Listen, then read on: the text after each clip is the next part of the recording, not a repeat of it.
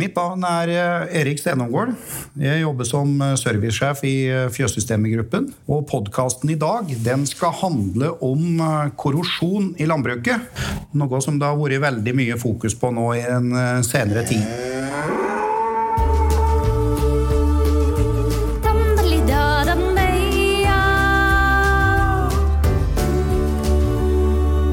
Med meg på denne podkasten i dag så har jeg Daniel Blücher fra Sintef og Eirik Selvik fra Eirik Selvik Elektro.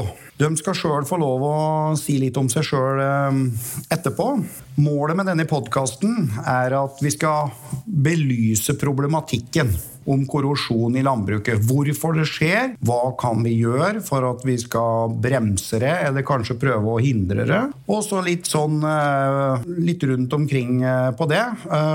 Eirik Selvik han er jo med fordi at veldig ofte så får jo elektrikeren skylda for at det er feil jording. Det skal vi, håper vi at vi skal klare å belyse gjennom denne podkasten. Daniel Blücher fra Sintef han er jo med her for å gi oss litt større innsikt og litt mer forståelse om materialet og den kjemiske prosessen som skjer. Så med disse ordene her så gir jeg ordet til deg, Daniel.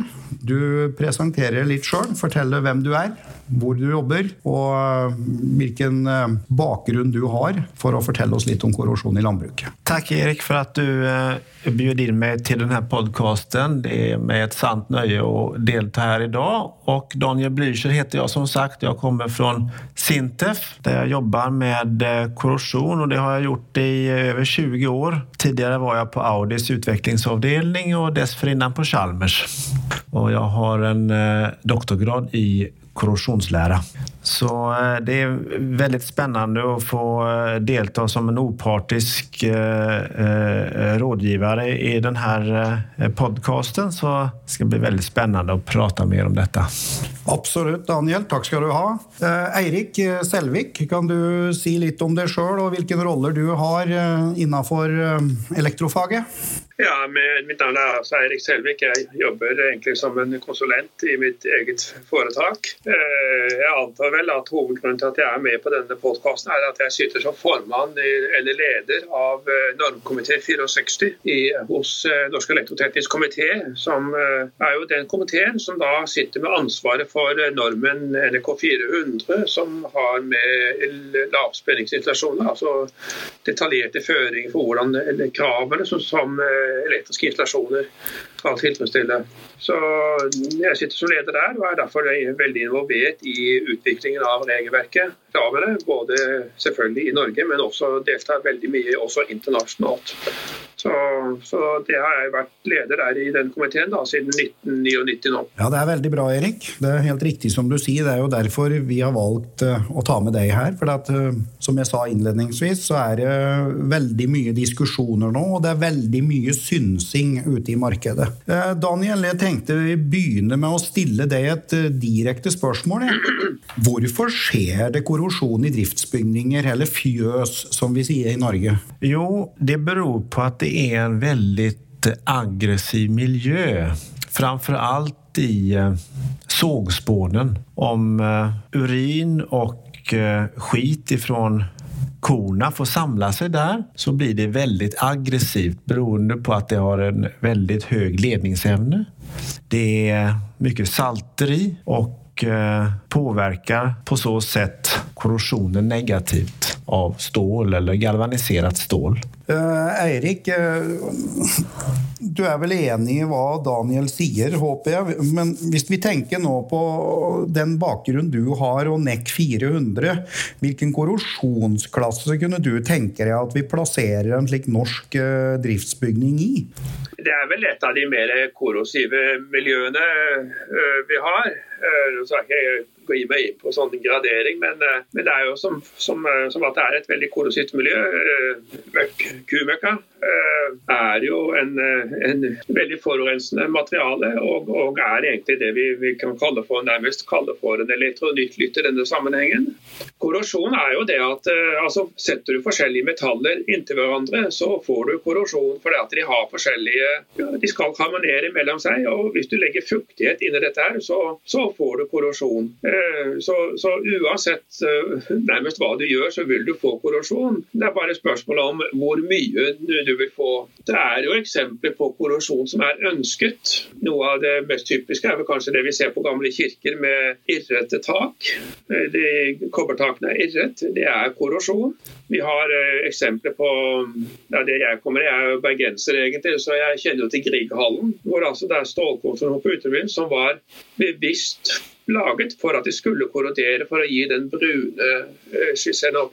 Så det er jo mekanismer som man kan bruke for å oppnå visse effekter, men eh, i landbruk så er det vel stort sett en litt uønsket effekt. Du er enig i det, Don? Ja, det er jeg. Det er helt riktig det du sier, Erik, og eh, det, det er presis så det er. Vi vil ikke ha korrosjon i landbruket, i hvert fall ikke der, der korna er. Og inredningsdetaljer og, og sånne saker, det vil vi ikke ha.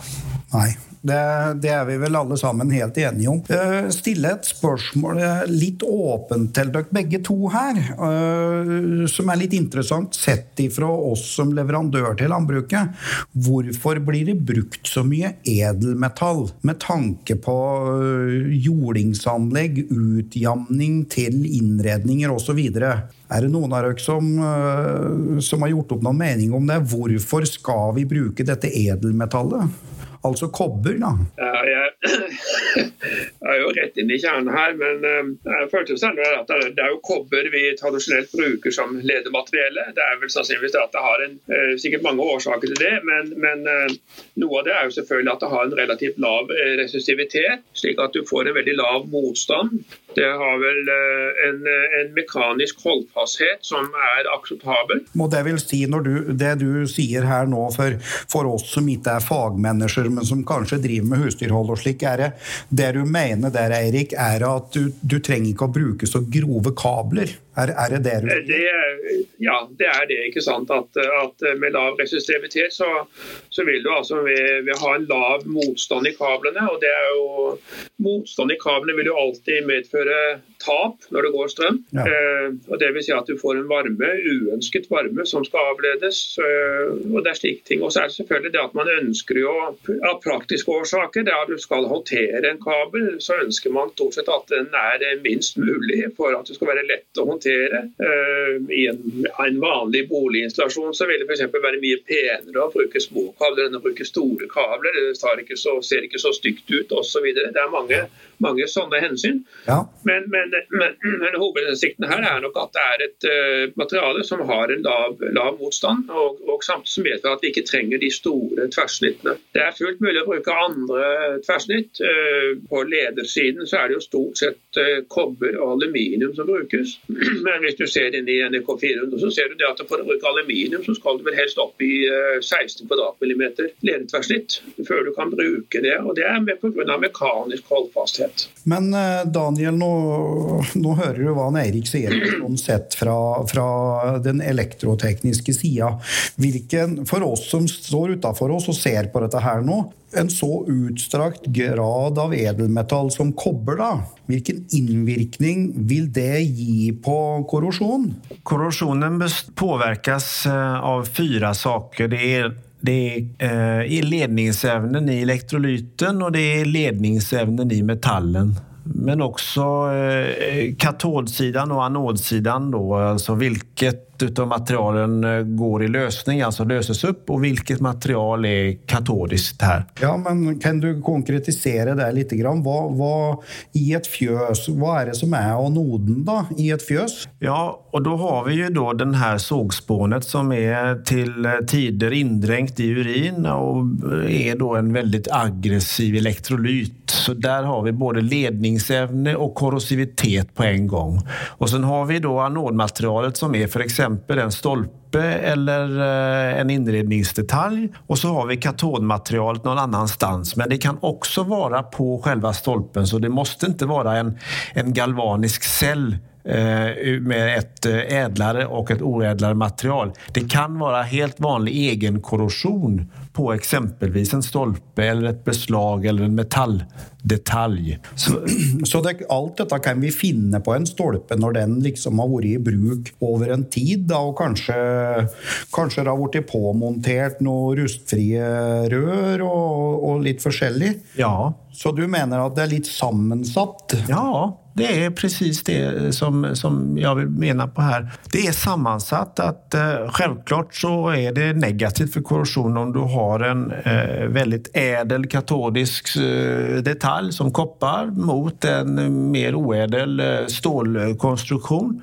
så blir det en galvanisk cell som påvirker korrosjonen negativt. Ja. Og det kan bidra, selvklart gjør det det. Men korrosionsproblematiken her den er mer sammansatt än så. Den, den beror av många faktorer som spiller inn. Og en av de faktorene er den, den goda den galvaniska kopplingen då till koppar, självklart kan det vara, men det kan også ha andre orsaker. Jeg må stille spørsmålet, Daniel, fordi at eh, det blir veldig Det har vært veldig mye synsing nå, og det har vært veldig mange som er ute i markedet nå og, og, og mener og synes noen ting om det her med korrosjon. Men vil du mene at hvis vi tilfører mer edelmetall, som f.eks. kobber, vil det ha en innvirkning på hastigheten av korrosjon?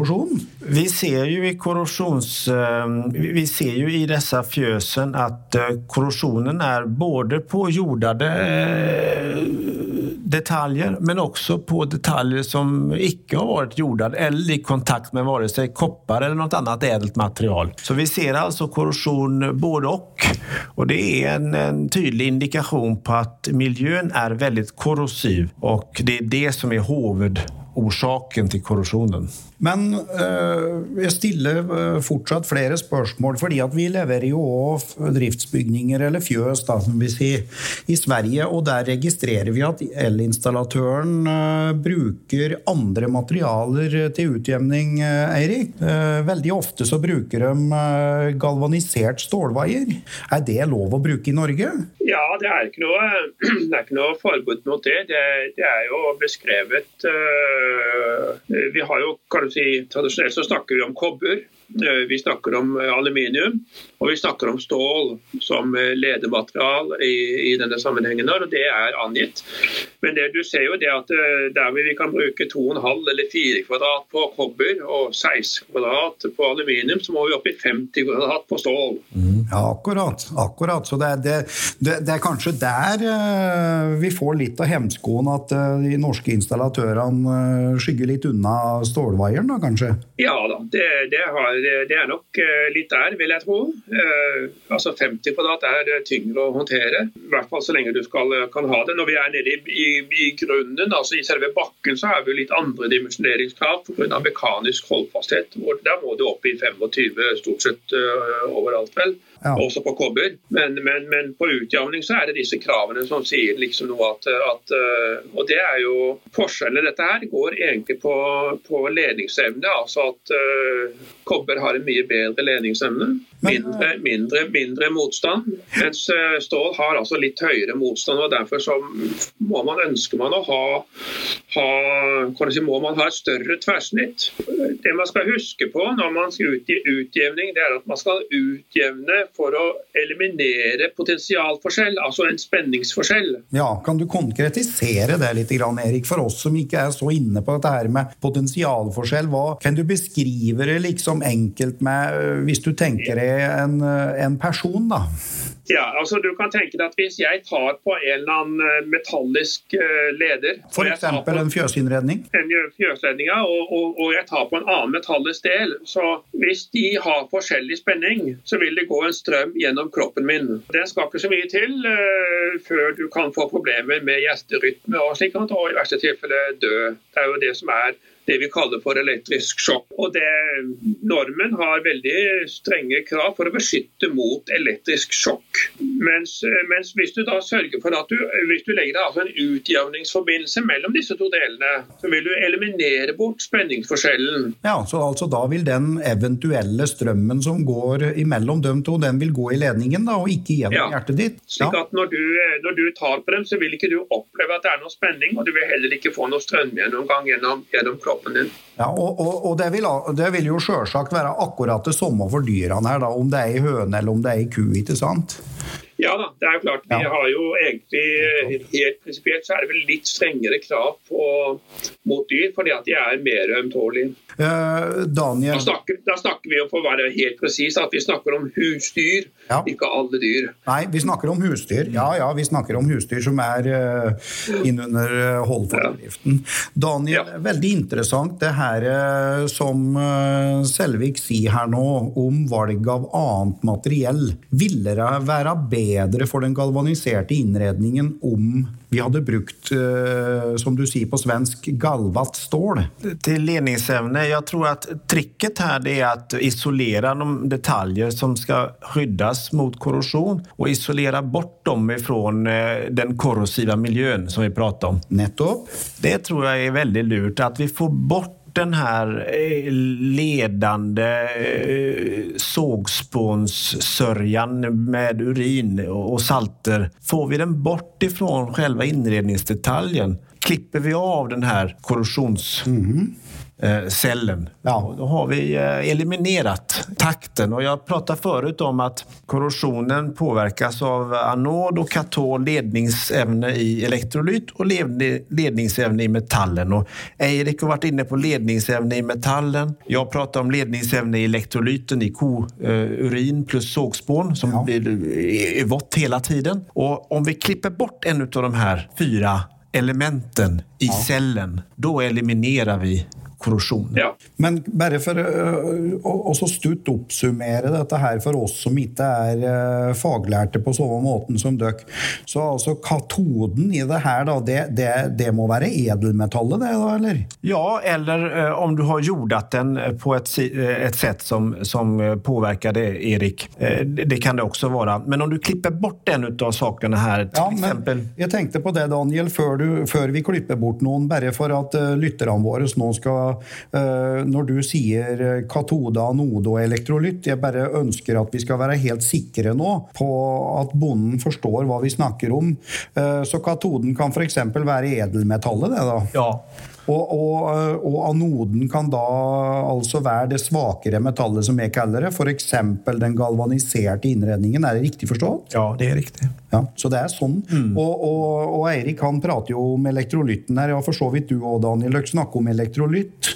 Altså elektrolytten det er altså den, den, den ytre påvirkningen vi påfører anode-katode, det eller? Ja, elektrolytten i det här fallet är alltså saltvatten är ju ett eh, bra exempel på elektrolytt. Om du har eh, stoppat ner eh, två stycken metaller med olika potential och kopplat dem samman med en ledande tråd så vill de orsaka, då vill de korrodera i det här saltvattnet. Och saltvattnet är ett bra exempel på en elektrolytt. En annan elektrolytt är sågspån plus urin. Nettopp. Väldigt bra for den er ledende. Så du vil nesten si at, eh, at sagflisa er nesten verre enn møkka? Ja, ja, det er den. Den er verre enn møkka, for at uh, sagflisen pluss urin er mye verre. Sier du det? Ja, det är den. För att den har både ett stort eh, saltinnehåll och eh, har eh, ammoniak och ammoniumsalter i sig som påverkar ja. både ledningsevne og korrosivitet. Ja. Var du klar over det her, Erik? Eirik, var du klar over det? her? Nei, jeg har ikke, jeg har ikke tenkt over det. Altså, når vi snakker før, så tenker vi stort sett på møkka. Ja, det er jo det vi gjør. Men, men, men, men, jeg skjønner jo problemstillingen her. Altså, hvis du tar sakflis og legger det i fukt altså, du, du, er, du må ha den fuktigheten som gjør at du får, får utviklet disse saltene som gjør dette her, og da, da blir det korrosivt. Jeg tenkte da at uh, satt, satt, i dag og så tenkte på det her, hvordan skal, vi, hvordan skal vi prate om dette her? Og da, det spørsmålet som dukker opp at hele tida, finnes det noen medisin for det her, Daniel? Finnes det noen medisin? Hva kan vi gjøre for å, å redusere eller hindre korrosjon? Ja, det er at att isolera de här olika elementen från varandra. Vi pratar om de fyra elementen. Och man har isolerat ett av dessa och tagit bort ett av dessa mm. i kopplingen med varandra. Ja. har du eliminerat korrosionen. Jag vill återkomma till den här korrosiviteten i den här eh, sågspån plus urin. Den är alltså flera hundra gånger korrosivare än vad det är under en bil med salt och vägsalt och eh, temperaturändringar och Eh, opptorkning, upptorkning, syklisk. Men hvis vi tenker på at vi skal skille dette ifra hverandre, tenker du da slik at uh, burde elektrikeren uh, Nå skal jeg, vi få høre hva Eirik har å si etterpå, men jeg, te, jeg, tenker jeg stiller det spørsmålet nå først, for nå sitter jeg og tenker, ikke sant? Uh, når du sier skille ifra hverandre, tenker du da at elektrikeren bør skille fra hverandre utjamningen i armeringen og utjamningen til andre utsatte deler, som det heter på fagspråket. Er, er, vi inne på noe der? Ja, det tenkte jeg, Eirik. Kan man i hvert fall skilje på jordningen av innredningsdetaljene og jordningen av armeringsjernen i betongstrukturen? Er det mulig, kanskje? Ja, det er, det er, jo et av de kinkige problemene er at vi, vi har jo krav eh, som medfører at du skal utjevne fordi at du skal beskytte deg mot elektrisk sjokk. Har vi, vi, har jo, vi, har forskjellige metoder for å beskytte mot elektrisk sjokk. Det er ikke alle disse metodene som er eh, praktisk eh, i, i, et, i, et, fjøs, men, men, noen av dem er jo det. Det mest vanlige som vi bruker, er jo dette at vi bruker, sier at vi skal ha automatisk utkobling av strømtilførselen. Dvs. Si at hvis du får en jordfeil, så skal en feil som kan medføre sjokk, så skal du kobles ut koble ut strømtilførselen innen ja, stort sett vil kravet være sånn ca. 0,4 sekunder. Men da, Det du prater om nå, det er jordfeilbryter, som vi sier? Ja, men ulempen med, kan si, sett i forhold til korrosjon med den metoden, er at den krever utjevne til uh, utsatte ledende deler, altså det, de anleggsdelene som du har, som er en del av den elektriske generasjonen. Men den krever også utjevne til andre ledende deler i omgivelsene. Mm. Og det er Andre ledende deler er jo et begrep i, i NRK 400 som, som medfører at disse andre ledende deler kan representere et fast fast, fast, potensial, som vi sier, eller spenningspotensial. Det er ikke alle deler. altså En, en, en metallisk vindusomramming den, den, anser vi ikke som en annen ledende del, for den har ikke noe fast potensial. Den ligger og flyter i alt mulig annet. Om du tar på den, så skjer ikke noe. Men, men det er jo alt ledende materiell som er knyttet mot jord, som ligger mot jord på en eller annen måte, anser vi som en annen ledende del. Og hvis du er i nærheten av det med elektrisk utstyr, så skal du utjevne til det for å Eh, I hvert fall er det krav i, i, i, vår norm på at du skal utjevne til dette. og Det er det som selvfølgelig da skaper litt problemer. Har du noe elektrisk installasjon i nærheten av i fjøset ditt, så må du tenke på at uh, da må jeg kanskje utjevne til metallisk innredning. For at den vil på... være, være, kablet til jord på en eller annen måte. Jeg tenker på det nå, bare, bare for å ta et eksempel nå, Eirik, stille dette spørsmålet til det. For at, eh, jeg vet at det er mange gårdbrukere i Norge som, som, lurer på det akkurat det jeg skal spørre det om nå. Hvis jeg bygger med et ammekufjøs eller et uksefjøs der jeg skal bare oppdrette noen okser, og der har jeg da kun uh, lys i taket Altså Jeg har kun armaturer i taket, og takhøgden eh, er relativt fri. Jeg har kanskje fire-fem eh, meter oppi armaturen. Er det da nødvendig å utjamne den innredningen? For at det slik jeg ser det med mine øyne, så har jo da denne uksen ingen mulighet til å få tak i noen elektrisk del. Nei, og det, det er jo, ligger i, i, normen i NRK 400. Krav for det. Det som står i normen, er at uh, du skal utjevne til andre ledende deler som du kan berøre samtidig Riktig. med en utsatt ledende del. Og en utsatt ledende del er altså en, et elektrisk utstyr som har en metallisk eh, overflate som du kan berøre. Og, så skal, da, skal, du altså kunne stå samtidig og berøre den og den andre ledende delen. Og der, eh, nå skal man jo tenke seg at For mennesker så, så snakker man veldig ofte om en avstand på ca. 2,5 meter. Da er du utenfor rekkevidde. Så må jo kanskje tenke litt mer, men hvis du har lys fire meter opp i taket, så er jo det ansett eh, Da vil ikke jeg si at du har noe krav om det. Så, så det som er, eh, så sånn sett er det mekanismer som gjør at dette, det som er ulempen, er jo der hvor du begynner å sette opp stikkontakter, f.eks. I, i nærheten for å koble til litt bærbar utstyr, så skaper du med en gang et eh, behov for å kunne utjevne hvis du har en jordet stikkontakt. Så i det eksempelet som jeg hadde der, så hvis du ikke driver med sjiraffoppdrett, så skal det altså ikke være nødvendig å utjevne innredningen? Nei, men sjiraffer har litt høyere ja, ja. Da må nok tenke Ja, ikke sant? Så, så bare, for at, eh, bare, for å lage et bilde for å eks, eksemplifisere her nå Så en sjiraff vil jo da selvsagt nå armaturen og må da utjevne. Dette, dette er jo noe som vi nå har tatt litt mer alvorlig og sett litt på. Vi har jo NK64 og NRK har jo utgitt en spesifikasjon som vi kaller for NRK teknisk spesifikasjon 400 landbruk. og Det er jo kan du si, en tilleggsspesifikasjon som du kan bruke for å utforme landbruksinstallasjoner. Eh, elektriske landbruksinstallasjoner, selvfølgelig. Men det som vi har gjort er at vi har lagt inn et, faktisk et lite flytskjema for, for, å fastsette om du skal utgjøre det eller ikke. Og Et av dette spørsmålet er jo, som vi begynner på, nå sitter jeg med den rett foran meg, der kan du si, det er spørsmålet er, er innredningen av ledende materiell eller er den ikke det? Hvis du er det, så bruker du automatisk utkobling som beskytter mot elektrisk sokk, eller bruker du andre metoder. Og Hvis du bruker det, så, så er det jo spørsmål, neste spørsmål er eh, kan husdyr samtidig berøres med innredning innredning og utsatt del på elektrisk utstyr. Hvis du ikke kan det, så du, har du ikke behov for å utjevne, og du løser problemet. Så Dette er en sånn flytskjema som er sånn ja, nei, ja, nei, ja, nei. Og så du, får du veldig klar føring på når må du drive utjevning. Ja, veldig, veldig smart, uh, Erik. Dette er jo noe som bonden absolutt uh, burde risikovurdere sammen med installatøren. Da. Er, uh, er vi enige om det, eller? Ja, det er det jo. Og, og, eh, det som vi har tatt høyde for i denne spesifikasjonen, er at du, du kan ikke se den elektriske installasjonen eh, si, atskilt fra den andre installasjonen. Det er mange som eh, driver og henviser, og mange som prøver nå å, å gi råd om å bruke skilletrafo. Nå stiller jeg spørsmålet ut her, for nå sitter vi jo med metallurgen her og, og en av de bedre på elektrofagene her. Nå kaster jeg ut en påstand her. Kunne vi brukt en skilletrafo for å, å skille jord mellom armering og innredning f.eks., i de tilfeller det er nødvendig med utjamning? Ja, altså Da er du inne på at vi, det er en annen, det er en spesiell beskyttelsesmetode vi har for beskyttelse mot elektrisk sjokk. Det er det vi kaller for elektrisk atskillelse. At du bruker og setter opp en skilletrafo. Det er visse litt føringer for det. Du kan gjøre dette på ett enkelt utstyr. Det innebærer at, at du ikke har beskyttelsesjord. Altså Du har ikke jordleder med deg på, på etter skilletrafoen. Slik at en, en, jordfeil, Hvis du får en jordfeil, så har ikke den jordfeilstrømmen har ingen vei å gå.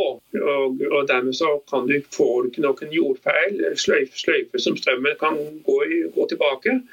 Og, og, Dermed så får du heller ikke redusert problemet med knyttet til korrosjon. Og Derfor er det heller ikke krav noe utjevning når du bruker den beskyttelsesmetoden. Så Da er vi inne på det spørsmålet som jeg hadde tenkt å, jeg hadde tenkt å stille Daniel et spørsmål her nå hvordan kan vi begrense? Men da vil jo du, da, ut fra et faglig elektroteknisk syn, Eirik, så er jo skilletrafo et alternativ? Ja da, det er det. Er det. Det, det er visse, visse, krav for dette. Det er jo at du, du kan bare ha en skilletrafo foran et enkelt utstyr.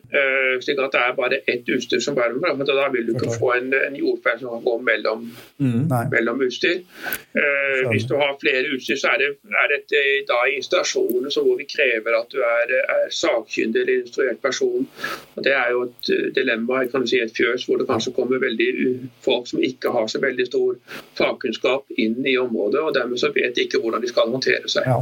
Daniel, hvis det, hvis det sammenligner et fjøs, en driftsbygning, med Noas ark Hvis jeg tar fjøset og snur det opp ned og kaller det Noas ark, kan vi sammenligne de samme hendelsene som skjer i en driftsbygning, som, hva som vil skje skje med en båt på sjøen? Kan vi si det at uh, fjøsets innredning i det tilfellet vil bli båtens offeranode? Er det riktig å sammenligne det sånn?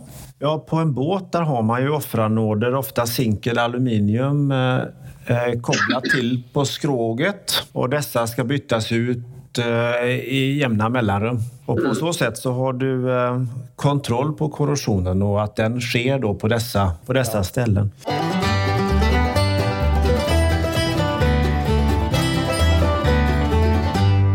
For at nå kommer vi inn på det neste som jeg tenkte vi skulle bringe inn på banen her, eh, gutter. Altså, hvilken tiltak kan den norske bonden gjøre for å redusere korrosjon. Skal vi begynne med det, Daniel? Sett det fra en metallurgs side, med dine øyne, hvilken tiltak ville du si er noe av det bedre vi kunne uh, gjøre? Jeg prøver alltid å se det ur et helhetsperspektiv. Hva kan vi gjøre med designen og konstruksjonen for å unngå at uh, påverkan på materialen som brukes uh, blir så stor. Hur kan vi designa oss rundt problemet? Designa oss bort från problemet. Ja. Det er det første jeg tenker. Och det jeg tenker på som nummer två det er hvilke material skal vi anvende. Så det første det er att designa seg bort från problemet. At exempel isolere. Da har du kappet av, du har, eh, du har klippt bort denne kretsen. Det kan du gjøre. Du kan også løfte opp innredningsdetaljene så at de ikke står nere i sågspån pluss urin. Mm. Du får dem opp, mm. kanskje med en betonghylla eh, eller en betongkonstruksjon som lyfter dem opp detta så de ikke står i, neddykket i den här Elektrolyten. Elektrolyten, ja. ja. Riktig. Men, det kan man gjøre. Så det du sier nå, det er at prøv å montere innredningen så tørt som mulig? Ja, det, det det du sier? Ja, det sier jeg. Men om, om de ikke gjøre gjør da, mm. å montere en tørt. Hvilken alternativ har vi? Eirik, du får arrestere meg hvis de tar feil her nå, men vi kan jo velge å isolere, eller på annen måte isolere fra. Eh, og da tenker jeg vi kan jo I fjøssystemer så har vi jo utvikla en ny stolpe nå, en trestolpe som vi har ekstrudert med, med PE-plast. Vil det kunne karakteriseres som at vi på annen måte har skilt den ifra? Ja, altså en, Hvis du har en, en trestolpe inni en eh, epoksy eh, eller annen måte, som, eh, sånt, da er det ikke en metallisk led, det er ikke en ledende del. Er du enig i det, Daniel, at hvis vi da f.eks. bruker en, en plaststolpe da, som vi henger den galvaniserte innredningen imellom, det vil være en betydelig beskyttelse, da, eller medisin, hvis du skal bruke det ordet? Ja, det tycker jeg er en veldig god idé. Sen måste man jo ta hensyn til andre aspekter som belastning av disse detaljer, og spesielt i ja. övergången mellom en metall og en komposit. Så det får man jo regne på da. Men, men, vi har jo, men vi har jo mange, vi har jo mange bønder i, i, både Norge og Sverige i dag som har kjøpt seg metallinnredning gjennom åras løp. Hvilke tiltak kan disse eh, gårdbrukerne gjøre for å eventuelt redusere? Er det noen tiltak som er bedre enn andre? F.eks. Eh, smøre på bitumenmaling før nedstøping av stolpen, krympe på, krympe hylser osv. Kan du si noe om det, Daniel? Eller? Ja, isolere den ifra ifrån eh, det her sågspån pluss urin. Isolere bort med krympstrumpa, plast, eh, pulverlakk. Noen form av isolerende masse derimellom. Det tror jeg er smart. Pluss 10 cm opp, så at det ikke skvetter opp der. Og ikke skal det rinne ned heller imellom denne isoleringen. pluss Eh, i spalten til stolpen heller. Så det måste man försegla. Eh, sen skulle jeg jo gjerne vilja koppla det loss ifrån att inte ha det kopplat mot armeringsjärn. Eh, men det er jo elektrikerna som får säga sin mening om det. For å kommentere det, Daniel. Det er jo vært allmennkjent i Norge at vi har jo sveisa armeringen inn i, i stolpen for å få den til å stå. Men eh, Eirik, nå spiller jeg ballen over til det. Det er jo fullt mulig å bygge et lovlig utjevna anlegg om vi ikke sveiser armeringen inn i stolpen, vel? Ja da, det er det. Er det. Fra normens side så, så takker vi stilling til liksom, de praktiske utførelser. Eh, vi stiller krav til altså Forutsetningen her er at om du har en annen ledende del i, ja. i, i miljøet som du kan berøre samtidig med en utsatt ledende del, så må du utjevne. Og I fjøset så er det jo selvfølgelig at det, det gulvet er ganske forurensa. Og, og det, det, det, alt det du putter ned på det gulvet, vil, vil bli betrakta som en annen ledende del. Men jeg skjønner at men det gulvet det er jo allerede utjevna i armeringen. Det er vi vel enige om? Ja, det skal det være det. det er jo, jeg, Kravene der er vel kanskje litt sånn at de, det står vel at det skal utdannes hvis armeringen er tilgjengelig. Så det er jo spørsmålet når er den tilgjengelig osv. Ja. Men i, i, et fjøs så bør man absolutt drive utjevning, fordi at det, det, det, det gulvet vil være så ledende. Ja. At, at Men da må man også ta høyde for å sikte på å sikre seg at ikke dette armeringsjernet også korroderer bort. Ja, for det der sier vel alle, både forskrifter og normer, sier vel det Eirik, at uh, installatøren som prosjekterer det her, han skal vel forsikre seg om at det materialvalget eller den valget av materiell han velger, ikke skal påføre korrosjon på det ene eller det andre materialet. Er det ikke det som står? Det er noe sånn som står i saken, men det skal tas nødvendig hensyn til korrosjon. og Det, ja. det er ved, ved valg av materiale. og det er her er man jo oppe i det evige dilemmaet når gjøres valgene? Men jeg kaster ut en liten brannfakkel her, jeg nå, for nå, nå, sitter jo du og lytter, Daniel. Og så kaster jeg ut en brannfakkel, og så sier jeg det, Selvik. Er det egnet kabel å bruke en 25 kvadrat vaier for utjamning til armering? Nei, bruken vaier er vel ikke utjevnet. Nå har vi jo lagt inn krav om at den skal være isolert. Så det er kommet som et krav det nå, ja, at den skal være isolert? Som det, I teknisk mener jeg det står som et krav. Ja, jeg er ikke sikker på at det har kommet med i NRK 400 ennå, men, men, det er de ikke ser på at, det, det at den er isolert, slik at du ikke får utilsiktet sammenkobling eh, mellom denne utdanningslederen og, og, andre ledende deler på steder hvor det blir uheldig og kan oppnå korrosjon. Det skal være en sammenkobling, så du skal sørge for at den sammenkobling må være på en slik måte at det ikke oppstår korrosjon. Og Der finnes det jo mekanismer med overganger fra det ene til det andre osv. Som, som må benyttes. Men jeg er ikke i tvil om det at, at uh, noe av det som bør uh, beste, beste mekanismene her, er jo egentlig er, er å prøve å isolere eh, si, metallene fra hverandre. Ja. Dette med bitumen og, epoxy pulverlakk, alt dette her som gjør at, kan, at, det ikke blir noen metallisk forbindelse mellom Dette er altså Elektrolytten kommer ikke til. Da har, du, da har, du, liksom eliminert uh, størsteparten av problemet. Jeg skal ikke si at du har eliminert alt, men det er jo elektrolytten som Daniel sier her er 100 ganger mer eller flere hundre ganger mer korrosivt enn det du har under en bil. Da er det ganske korrosivt. Og det, det er jo mye mer enn det jeg hadde forestilt meg. Ja. Da, uh, men da er vi jo kanskje enige da, at eh, når installatøren skal prosjektere dette her, så bør han vel kanskje gå etter korrosjonsklasse AF, da? Uh, utvilsomt. Uh, men det er jo det som er noe av Poenget mitt også er vel at her er det ikke snakk om bare um, installatør, her er det snakk om alle fagfeltene ja. som du har involvert. Jeg tenkte også på det at uh, Daniel, men du har vel for så vidt svara på det uh, tidligere, men rørleggeren her òg vil jo være en, et fag som kan påføre en del edelmetaller som kan skape litt konflikter. Dersom man bruker syrefast eller, eller andre edelmetaller, er, er riktig forstått? Ja, det beror på hur du kopplar dem med eh, de eh, eh, korrosionsutsatta inredningsdetaljerna då. Mm.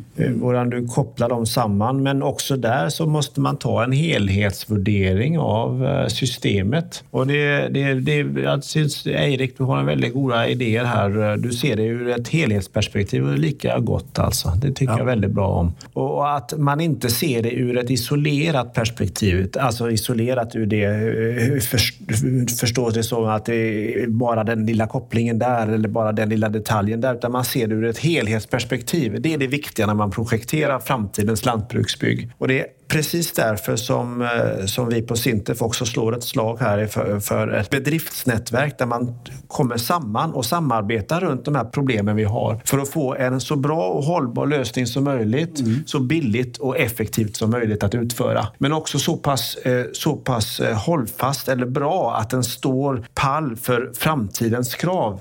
Eirik, som ja. Eh, att vi ska ha en så pass bra lösning som står pall för framtidens krav också. Mm. Därför så slår vi ett slag för ett sånt bedriftsnätverk via Innovation Norge som ska finansiera det. Så här är alla som lyssnar på podden är välkomna att kontakta Sintef eller, eller Industrinavet i Tröndelag som ska hjälpa dere med att samarbeta runt de här problemen så att vi bygger framtidens lantbruksbygg så bra som möjligt, så billigt och effektivt som möjligt. Ja, absolut.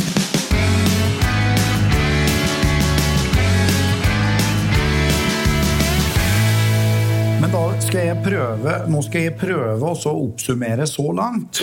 Altså den beste medisin, slik jeg forstår dere nå, øh, så er det da på annen måte å isolere fra. Og den letteste biten å, å, å skille fra her, er elektrolytten. Det er vi enige om. Ja, ja. Sånn at det vil være å beskytte stolpen ved nedstøping. Det vil være å beskytte stolpene som står på gulvet, fra gulvet og oppover. da. Så lenge det er bløtt, er det riktig forstått, eh, Daniel? Om det er ikke sikkert det skal være 10 cm. I et tallefjøs kan det godt hende at det skal være 50 eh, cm.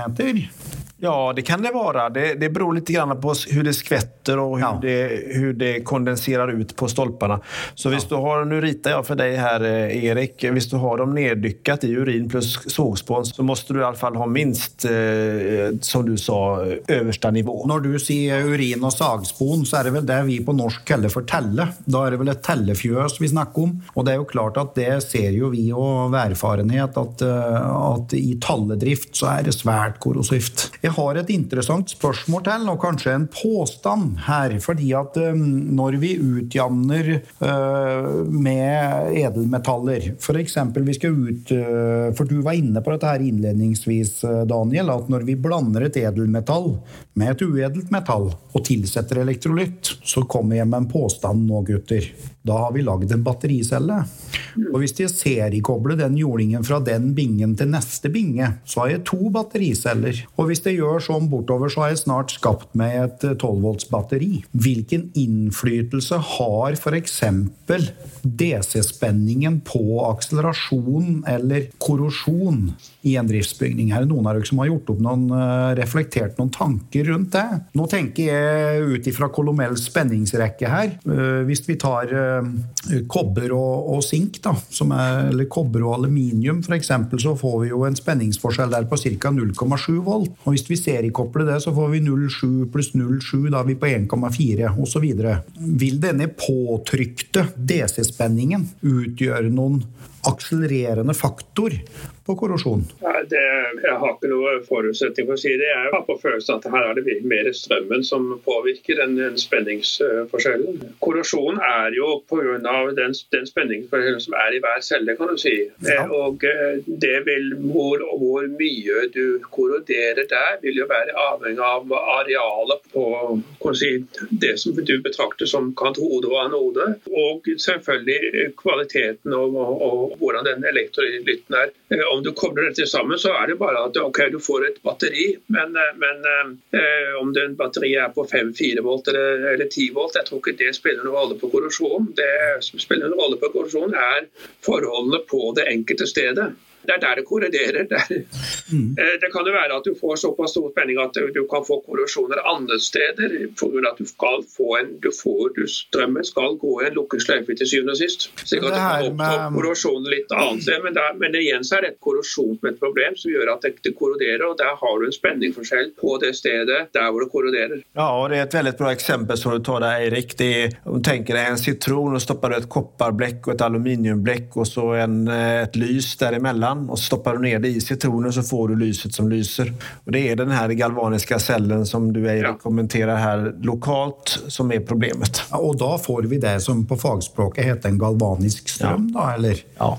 Men der sier jo forskrifter og normer nå, Erik, at eh, der skal vi jo, der skal vi jo bruke da mm, overganger som er egnet til målet, f.eks.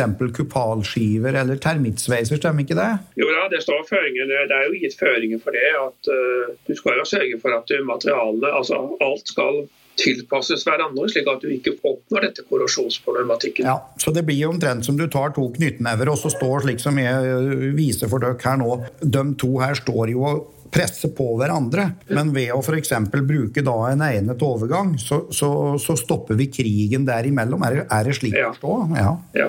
Da må det jo òg være veldig viktig at denne overgangen blir beskytta utapå, slik at elektrolytten ikke kommer til. Det er vel minst like viktig det som å, å, å påføre eh, den termittsveisen, da. For ja, altså, setter vi elektrolytt på den, så vil jo prosessen bare fortsette, vil den ikke det? Jo da, den vil, vil det. og det er, det er, jo det som er hele problemet. at Når du har to metaller som er forskjellige metaller, så du en, uh, har du lagt opp til at du har et, en, en, en galvanisk eh, celle der. Noen, uh, noen materielle forskjeller er, er så liten forskjell i spenningsrekken at de, du får ikke problemer. Mm. Mens, mens, andre vil være. Og så er det forskjellige måter eh, de forskjellige materialene korroderer på. Noen eh, korroderer fort, andre korroderer langsomt. Det har med elektronikken og elektrolytt og, elektroner, hvordan de flyter fram og tilbake og sånt. Det er, snakker, det er mer kjemien kanskje enn en, en, en, en elektronikk. Men når du har forskjellige metaller så, og du tilfører en elektrolytt, så kan du få korrosjon og du har etablert et form for batteri. Og eh, Hvis dette her har mulighet få strømmen da har mulighet for å gå i en sløyfe, så får du en galvanisk strøm, og da får du korrosjon. Men også vi har veldig stor fokus nå på at det er galvaniske celler. En katod, en anod, et edelt og et uedelt material med elektrolyt imellom. Og det er det klassiske eksempelet for korrosjon som alle husker fra skolen. Men det går helt fint å korrodere uten en galvanisk cell også, eller i alle fall egen korrosjon. Sen ja. er det galvaniske celler på, på en litt mindre skala på de her ytorna, overflatene. Mm. Så om man tar et, et galvaniserat eh, stålblekk stålbläck eller en galvaniserad stolpe, altså en eh, stålstolpe med zink på og eh, plasserar den helt uten koppling til noen ting som helst i den här elektrolyten eller korrosiva miljön så vil den korrodera av seg sjøl. Och varför gjør den det då när vi ikke har noen galvanisk cell med en, en ädelmetall eh, kopplat til? Jo, det er for at på den här ytan så er det ställen som er litt mer edla enn de andre ställena og der börjar vi med en liten cell då som kan påverka korrosionen. Vi får en upplösning av zinken som skyddar stolpen og så får vi fram järnet der under. Och så har vi det her gående då och ser vi rödrost som blir resultatet. Så det går helt fint at det korroderer uten noen kopplad galvanisk cell også. Det blir jo omtrent som å, å, å ta ei skei med eddik og putte inn i munnen, så kjenner du liksom at det i seg sjøl, det starter jo å etse. Kan du sammenligne det med å sette en stolpe ned i et, like et uh, tallebad? Ja, men någonstans skal det jo starte, og det gjør det ofte på felställen at det kanskje er en por i det her zinklagret, eller at det er en skada på zinken, eller någonstans skal det i alle fall, i alla fall starte då. Men det er helt eh, det är helt möjligt å korrodera korrodere eget uten det her galvaniske batteriet som vi har pratet om. Også.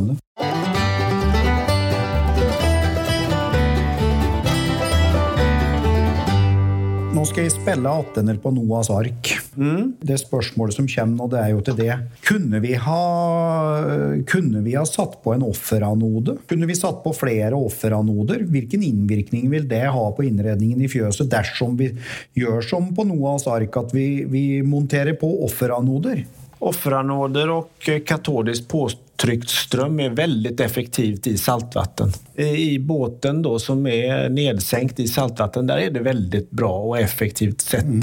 å skydde skrovet, som er och stål ofte. Så hvis vi tenker nå at uh, inredningen i driftsbygningen då, i fjøset, ikke bare for ku, men for gris og for andre dyreslag og det, ville det da uh, være hensiktsmessig å sette på en offeranode nere i det bløte området? Ja, men varför gjør man ikke det her på biler, tenker man då? Jo, det är för att bilarna de, är, de får saltsprut på sig från gatan och vägen och så är de blöta och så korroderar det på eh, lokalt ofta. Men där kan man inte använda sig av offranåder eller katodiskt påtrycksström för att de inte är nedsänkta i en ledande elektrolyt. De är ju inte ubåtar Så det går inte på bilar.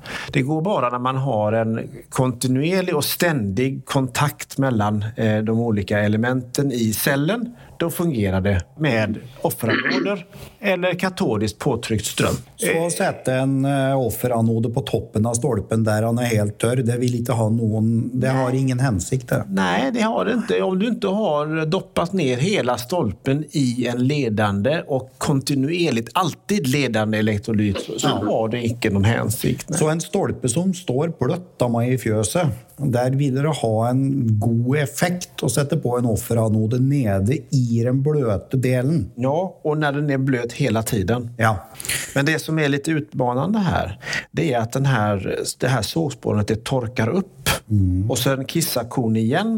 Og så torkar det opp Ja. og kissar igjen. Så vi har altså perioder når det inte är en ledande elektrolyt här under torrtiden. Och så kommer det ett, eh, ett kissesprut där va? och så är det väldigt korrosivt när det blir blött. Då får du en, en ökad koncentration av dessa korrosiva salter vi har pratat om. Riktig. Så det är lite mer komplext än så. Det är inte ett, ett, ett skrog som är, ligger i saltvatten och alltid, alltid har en ledande elektrolyt runt sig som vi kan använda offeranoder til. Nei, men nå skal jeg prøve også å oppsummere litt. fordi at eh, du vet at nå, eh, når sånne som oss sitter her og skal diskutere et tema som dette her, så er det nesten vanskelig å avslutte. Ja, ja. Men jeg må prøve å oppsummere her nå. Det beste som kan skje for en bonde, er å prøve å beskytte mot elektrolytten. Visst är det det. Det er vi jo enige om alle tre. Ser jo, Ja, det er, det er, jo du og Erik, så. det er det mest effektive. Så det vil si at eh, det, det, det er Vi snakker om å bruke eh, en form for bitumenmaling, for den er jo bestandig mot uh, ammoniakk og det som finnes. Og så har vi epoksymaling som et alternativ. Og så har vi pulverlakk er et alternativ. Vi, har, vi kan bruke krympestrømpe med lim f.eks. For, eksempel, for å, å påføre. Eller rett og slett bruke plaststolper. Trestolper som er ekstrudert med, med PE-plast. Drikkevannsplast. Og da er det kanskje det siste som vil være det mest varige. Tror du ikke det? Jo, men det beror også på hvor mye last som korn eventuelt kan legge seg mot innredningsdetaljer. Ja. Den må jo holde for dem. Ja, det vil jeg forstå. Lastene, Va? Men sånn rent isolert sett uh, mot korrosjon, så er er det den PE-plast som, eh, som vil være den beste. Men eh, Eirik, bare for å oppsummere, hvis vi da bruker PE-plaststolper som vi henger stålinnredning på imellom, så blir, da kan vel ikke den grinda imellom de to plaststolpene heller bli annen utsatt del, da? Nei, ikke så vidt jeg kan, kan se det ut ifra hvert fall slik du forklarer det nå. Det er jo bare Du må jo huske på at de, eh, på, ja. på god avstand til jeg håper si møkka ikke kommer opp i det metalliske 19-nettet osv. Ja, det forstår jeg. Eh, Så det, så det er eh, Det som er vårt begrep, normens begrep på annen ledende del, er en ledende del, eh, altså en metallisk led, det er jo stort sett metall vi snakker om, som har et fast potensial. Mm. Og hvis noe bare henger mellom to plaststolper, eller eh, hvis du tar en, eh, et, en metallspyd og fester opp på en trevegg, så blir ikke den metallspyden en annen ledende del, for at det har ikke noe potensial. Og Det er det det hele dreier seg om. Har det et fast potensial, har det, forbind, har det en metallisk forbindelse til jord, så er det en annen ledende del. Hvis ikke så skal du knapt opp betrakte det som det. Men hvis vi har to plaststolper, da, og så henger vi opp ei skillegrind over en talle fordi at Daniel han er jo veldig, han har gjort oss veldig eh, oppmerksomme på det i dag, Eirik, at uh, sagflis og urin er 100 ganger mer korrosivt enn veisaltet på veien. Ja. Uh, og nå, uh, Vi må prøve å dra noen konklusjoner her. fordi at Spørsmålet er jo hva kan bonden gjøre for å beskytte seg mot det fenomenet korrosjon? Og Hvis vi da bruker to plaststolper eh, hvor vi henger en metallgrind imellom fordi at vi må ha metall for å få nok styrke, og den her tallen vokser oppi det metallskillet, da, så burde du kanskje da ha malt den nederste delen av det metallstykket da, med f.eks. bitumenmaling, epoksymaling. Hva mener du, eh, Daniel? Ja, for der har du de där flera hundra gånger mer korrosivt än vägsalt och det är ju utan koppling till något galvaniskt ädlare material. Ja. va? Så precis det du säger här, även om du hänger upp det i, i plast då, så att du har kopplat det bort ifrån Ja. eh, så, så har du ju en väldigt korrosiv miljö och även om det inte är nedsänkt i detta så är det, är det nära nog. Ja, det er nærme nok. Det er nære nok. Va? Det er som å ha bilen stående ved kaien. Det er mer korrosivt enn å ha den stående oppe i fjellet. Men um, da må vi prøve oss å avslutte. Så det er å beskytte seg mot elektrolytten. Det er hovedsaken. Og så er det å prøve å unngå å putte mer edelmetall inn i konstruksjonen enn hva som strengt tatt er nødvendig. For det, det vil jo ikke være positivt for korrosjon å tilføre mye edelmetall. Har jeg forstått det riktig da, Daniel? Det er riktig. Da tror jeg vi skal avslutte der. Medisin er å skille elektrolytten fra de eh, metalliske delene. Det er beste medisin. Da, Det er nok, ja. det er nok det enkleste og det beste. da sier jeg takk til deg, eh, Eirik Selvik. Takk til deg, eh, Daniel Blücher. Takk, takk. Nei, takk skal du ha.